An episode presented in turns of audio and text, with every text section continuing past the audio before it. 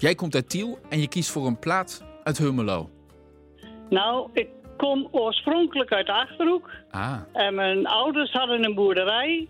En mijn broer, toen die ouders gestorven zijn, was de boerderij niet echt levensvatbaar meer voor mijn broer. En die is twintig jaar geleden naar Denemarken vertrokken. Die boert daar nu. Maar ik kan me daar zo levendig voorstellen hoeveel moeite en verdriet die mensen altijd gehad hebben om die boerderij overeind te houden. En om voor ons alle achten een, een boterham en eh, alles te regelen. Daaruit, ja, dat, ik zie dat zo iemand zo achter die schuur staan, janken. Om, om de moeilijke tijden die ze altijd hebben gehad. ja, want het verhaal vertelt in dit geval, hè, het nummer van Benny Joling vertelt het verhaal van Hein, hè, die achter de schuur aan het huilen is Hm, omdat de boerderij verkocht moet worden. Ja.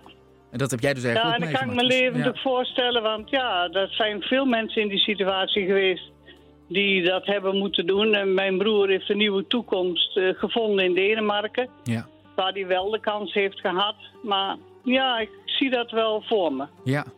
Hij staat op nummer 21 in de Gelderse top 100. Voor de hoeveelste keer is dit dat jij erop gestemd hebt? In al die jaren dat we de Eh, Gelderse top 100 uitzenden? Mm, Ja, vijf, zes keer denk ik. Weet ik eigenlijk niet precies. Ik heb het nooit bijgehouden. Maar ja, hij zit bij mij altijd wel, wel in het lijstje. Want ja, naast, naast eh, Willem de Molde met zijn toch... is dat ook een herinnering van mij die erg levendig is.